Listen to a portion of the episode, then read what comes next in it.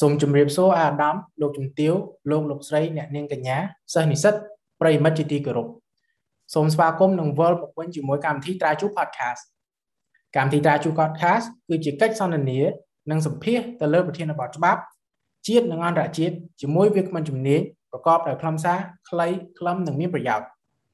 ខ្ញុំបាទគ្រូសាក់យមភូជាអ្នកសម្របសម្រួលកម្មវិធីនៅក្នុងថ្ងៃនេះ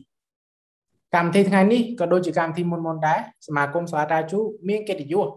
សូមនាំមកជូននៅកិច្ចសន្ទនាក្រមធានបတ်ច្បាប់វិនិយោគថ្មីរបស់កម្ពុជា ដែលនឹងមានការចូលរួមអំពីវាគ្មិនជំនាញរបស់យើង គឺលោកបណ្ឌិតមឹងសុកវិសាដែលលោកបានបញ្ចប់ថ្នាក់បណ្ឌិតនីតិអន្តរជាតិឯកជនឯកទេសនីតិវិនិយោគនិងការទទួលខុសត្រូវរបស់វិនិយោគិន នៃសាកលវិទ្យាល័យ កូតដាហ្សៀប្រទេសបារាំងលោកក៏បានបញ្ចប់ថ្នាក់អនុបណ្ឌិតផ្នែកនីតិអន្តរជាតិសាធារណៈឯកទេសអភិបាលកិច្ចនិងហេរ៉ាបទានសម្រាប់ការអភិវឌ្ឍក្រោមក្របខ័ណ្ឌអាហារូបករណ៍ផ្ដល់ដោយរដ្ឋាភិបាលបារាំងតាមរយៈស្ថានទូតបារាំងប្រចាំកម្ពុជានៅសាកលវិទ្យានៅសាកលវិទ្យាល័យខាងលើលោកបណ្ឌិតក៏ធ្លាប់បានចូលរួមក្នុងនាមជាបេក្ខជនអាហារូបករណ៍នៃវគ្គបណ្ដុះបណ្ដាលរដូវក្តៅ លើជំនាញនីតិអន្តរជាតិឯកជនរៀបចំដោយបណ្ឌិតសភានីតិអន្តរជាតិទីក្រុងឡាអេប្រទេសហូឡង់ផ្សេងពីនេះលោកបណ្ឌិតបានទទួល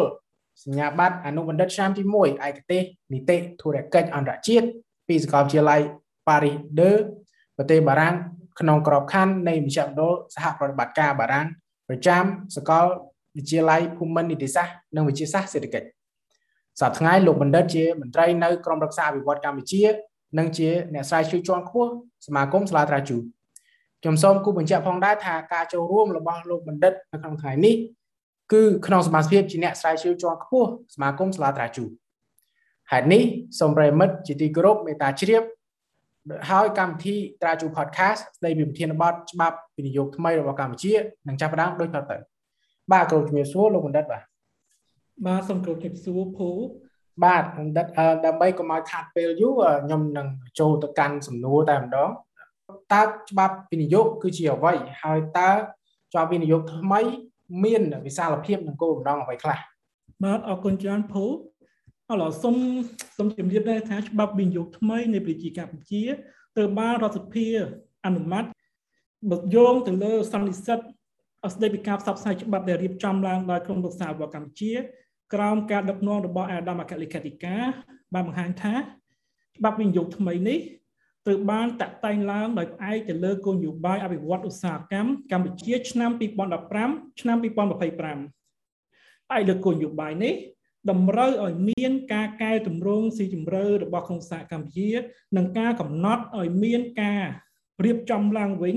នៅអត្ថបទច្បាប់ថ្មីចំនួន2គឺអត្ថបទច្បាប់វិនិយោគកម្ពុជា និងអត្ថបទច្បាប់ស្តីពីតំបន់សេដ្ឋកិច្ចពិសេសសូមគុំជាក់ថា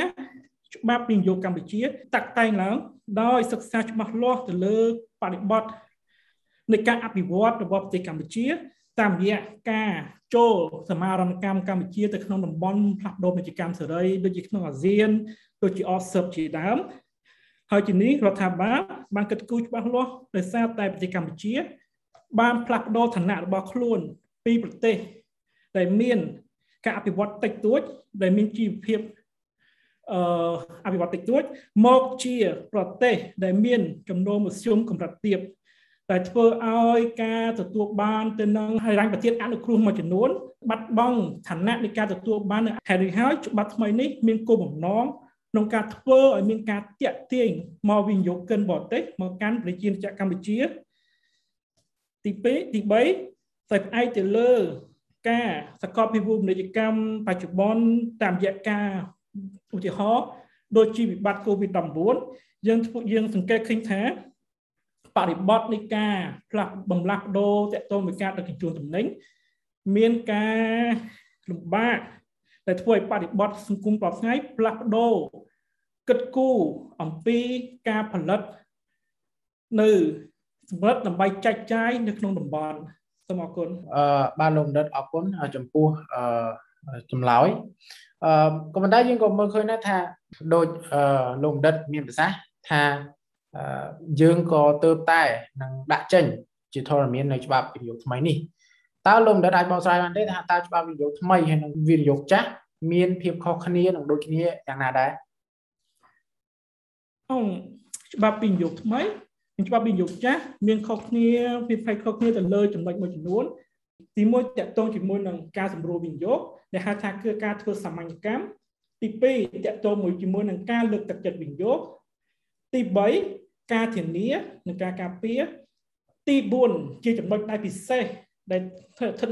ជាពិសេសនោះគឺតកតងជាមួយនឹងយន្តការនៃការថែទាំវិនិយោគ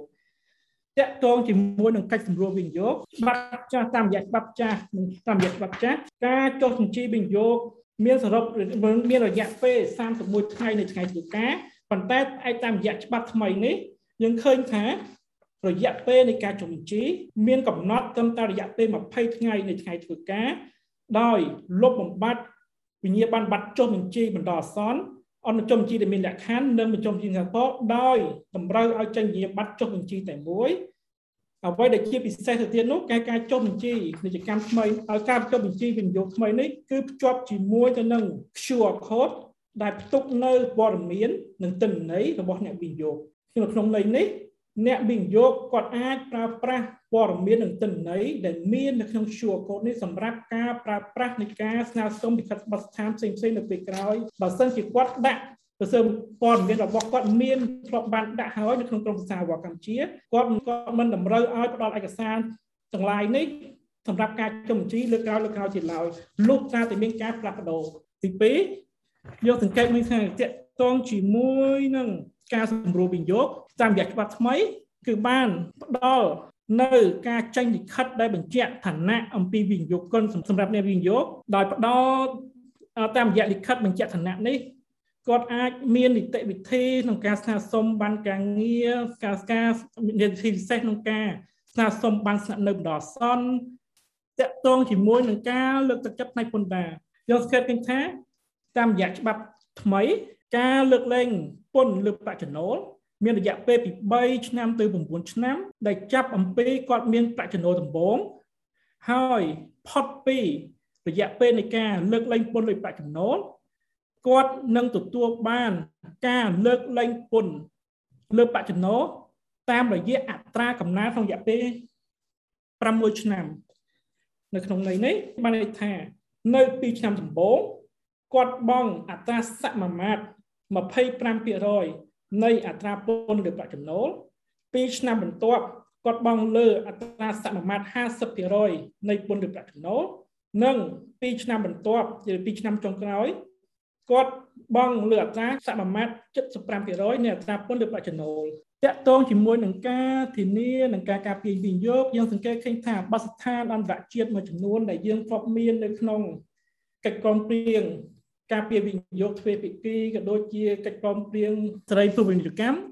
យើងឃើញថាកិច្ចយកគោលការណ៍ទាំងនោះត្រូវបានដាក់បញ្ចូលទៅក្នុងច្បាប់ថ្មីរបស់វិជាច្បាប់វិនិយោគថ្មីដែលទើបអនុម័តតែគោលការណ៍នោះមានដូចជាការប្រព្រឹត្តកម្មដោយគ្មានការរើសអើងការមិនធ្វើជាទុបនិយកម្មការមិនធ្វើអសយានិកការមិនបាក់ការមិនហាមឃាត់លើការផ្ទេរប្រាក់ចំណេញទៅក្រៅប្រទេស ការការពារកម្មសិទ្ធិបញ្ញាអ្វីដែលជាពិសេសគឺការមិនកំណត់ថ្លៃលើការលើបដកម្មឬសេវាបានលោកដិតសូមអរគុណយើងក៏បានហើយថាដឹងហើយថាលោកដិតបានមានប្រសាសន៍ពាក់ព័ន្ធជាមួយនឹងភាពខុសគ្នាហើយនឹងដូចគ្នារវាងច្បាប់ថ្មីច្បាប់វិនិយោគថ្មីច្បាប់វិនិយោគចាស់លោកបណ្ឌិតក៏បានបន្ថែមនៅតើការការពារនិងការធានាសម្រាប់វិនិយោគិននោះគឺមានអីខ្លះជាពិសេសលោកបានរៀបរាប់អំពីការសម្រួលមួយចំនួន ដែលដែលថ្មីបង្កើតថ្មីសម្រាប់ឲ្យការវិនិយោគថ្មីថ្មីទៀតបានទទួលបាននៅការអនុគ្រោះក៏ដូចជាមានពន្ធផងដែរក្នុងនេះខ្ញុំសូមអនុញ្ញាតសួរសំណួរទៅលោកបណ្ឌិតបន្ថែមទៀតពាក់ព័ន្ធជាមួយនឹងអត្ថប្រយោជន៍សម្រាប់សហគ្រាសនិងអាជីវកម្មវិញមុននេះលោកបណ្ឌិតភាសាអំពី ការវិនិយោគដែលមានវិនិយោគជាតិនិងអន្តរជាតិក៏ដែលឡែកសម្រាប់សហគ្រាសនិងអាជីវកម្មតើពួកគាត់នឹងទទួលបានផលប្រយោជន៍ឬក៏ថាប្រយោជន៍អ្វីខ្លះពីច្បាប់ថ្មីមួយនេះអរគុណលោកបណ្ឌិតអឺផ្អែកតាមរយៈច្បាប់ថ្មីយើងសង្កេតថាច្បាប់នេះបានគិតគូរយ៉ាងច្រើនអំពីសហគ្រាសធុនតូចនិងមធ្យមក៏ដូចជាការជំរុញផលិតផលក្នុងស្រុកតាមរយៈមាត្រា24យើងសង្កេតឃើញថាសហគ្រាសធុនតូចនិងមធ្យម កសិកម្មកសិឧស្សាហកម្មឧស្សាហកម្មកែច្នៃបដកម្មនិងឧស្សាហកម្មកែច្នៃជំនាញហាដែលបម្រើទីផ្សារក្នុងស្រុកឬការនាំចេញត្រូវបានស្ថិតនៅក្នុងបញ្ជីនៃការលើកទឹកលើកទឹកចិត្តវិនិយោគនៅក្នុងន័យនេះបើសិនជាវិនិយោគិនគាត់ទិញផលិតផលដែលផលិតនៅក្នុងស្រុកដើម្បីបំរើឲ្យការកែច្នៃនិងចង្វាក់ផលិតកម្មរបស់គាត់ខ្ញុំសូមចាំទៀតគឺគម្រោងវិនិយោគដែលទទួលបាននៅ លក្ខខណ្ឌជាគម្រោងវិនិយោគដែលមានលក្ខណៈសម្បត្តិគ្រប់គ្រាន់គាត់នឹងទទួលបានការលើកលែងអាកពិសេសលើតម្លៃបន្ថែមនៅក្នុងករណីនេះអ្នកវិនិយោគគាត់មិនបាច់ចាំបាច់ទៅនាំយកវត្ថុធាតុដើមផ្សេងពីក្រៅប្រទេសឡើងទេក្នុងករណីដែលវត្ថុធាតុដើមទាំងនោះមានស្រាប់នៅក្នុងទីផ្សារក្នុងស្រុកដែលផលិតនៅក្នុងទីផ្សារក្នុងស្រុកស្រាប់គាត់អាចប្រើប្រាស់នៅវត្ថុធាតុដើមទាំងនោះសម្រាប់បម្រើឲ្យចង្វាក់នៃផលិតកម្មរបស់គាត់ ដោយមិនបាច់បងពុនលើអកឬដែលរួចផុតពីអកឬតម្លៃពិសេសដែលហៅថាវត្តនោះមួយទៀតតាមរយៈច្បាប់ថ្មីនេះអាចទៅលើមាត្រា27យើងសង្កេតឃើញថារាជរដ្ឋាភិបាលក៏ដូចជាថ្នាក់ដឹកនាំនៃក្រមប្រសាវកម្ពុជា បានគិតគូរយ៉ាងដិតដល់អំពីសុខុមាលភាពរបស់កម្មករដែលបម្រើនៅក្នុងតាមរោងចក្រកាត់ដេរមួយចំនួនឬបម្រើក្នុងសហកម្មភាពឧស្សាហកម្មតាមរយៈការលើកទឹកចិត្ត ដែលដែល5 27និយាយអំពីការលើកទឹកចិត្តបន្ថែមដែលមានដូចជាគាត់អាចទទួលបានទទួលការលើកលែងអកលតម្លៃបន្ថែមចំពោះការទិញធាតុចូលផលិតកម្មដែលផលិតក្នុងស្រុកសម្រាប់បម្រើដល់ការអនុវត្តគម្រោងដែលមានលក្ខណៈសម្បត្តិគ្រប់គ្រាន់ទទួលបានការកាត់កង់ចំណាយក្នុងអត្រា150%ពីមូលដ្ឋានគិតពន្ធចំពោះសកម្មភាពណាមួយដូចជាការស្រាវជ្រាវអភិវឌ្ឍនិងនិវេនវត្ត